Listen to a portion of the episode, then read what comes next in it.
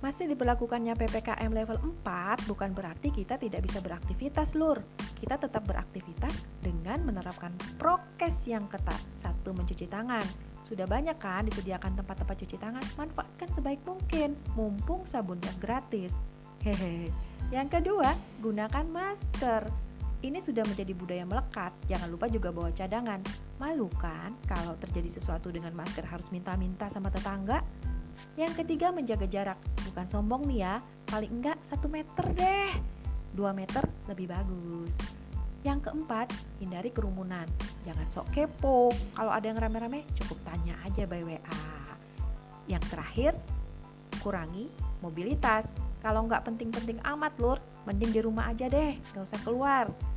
Keluar rumah untuk hal-hal yang penting dan lakukan di rumah jika memungkinkan. Enak kan bisa sambil ngapa-ngapain di rumah, ya nggak sih?